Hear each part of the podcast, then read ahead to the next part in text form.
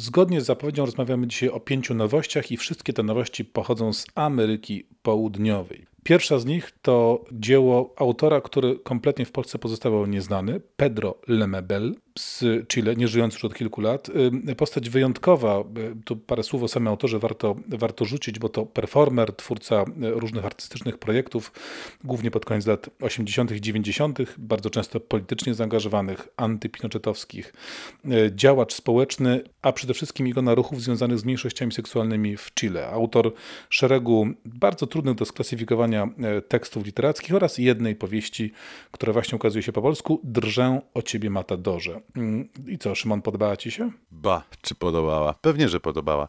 Ta książka chyba nie może się nie podobać. Przenosi nas w egzotyczne miejsce, jakim bez wątpienia jest Chile, w, w bardzo interesujące czasy, a więc chyłkowy Pinochet. To jest rok 86, gdy się tam znajdujemy, a znajdujemy się w pracowni krawieckiej Ciotuchny z naprzeciwka, która haftuje i zajmuje się różnymi krawieckimi robótkami, słuchając przy tym starych, sentymentalnych szlagierów, jest ona strasznie samotna.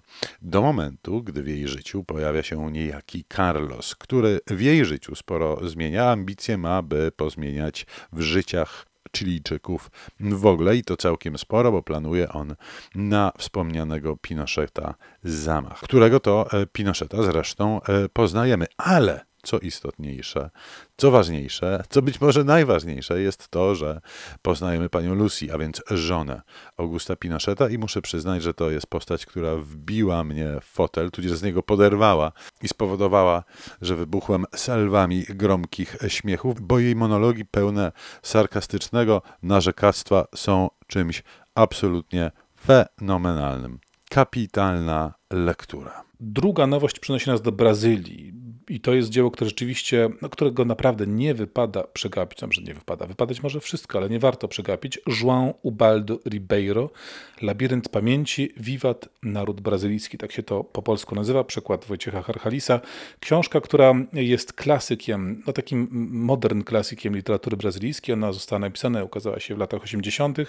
Jest to gruby tom, gigantyczny tom, który stanowi pewnego rodzaju taki mm, rozpasany i taki dość odważny pod wieloma względami fresk historyczny dotyczący Brazylii. To jest taka opowieść o Brazylii od samego początku, od ludożerców, którzy ze smakiem zajadają się odpowiednio przyrządzonym holenderskim mięsem, znaczy mięsem z Holendrów, przez etap kolonialny, przez etap uzyskiwania niepodległości przez Brazylię, wewnętrzne walki i wiek XX to właściwie dochodzi do, do współczesności, do współczesności autora, czyli lat 80.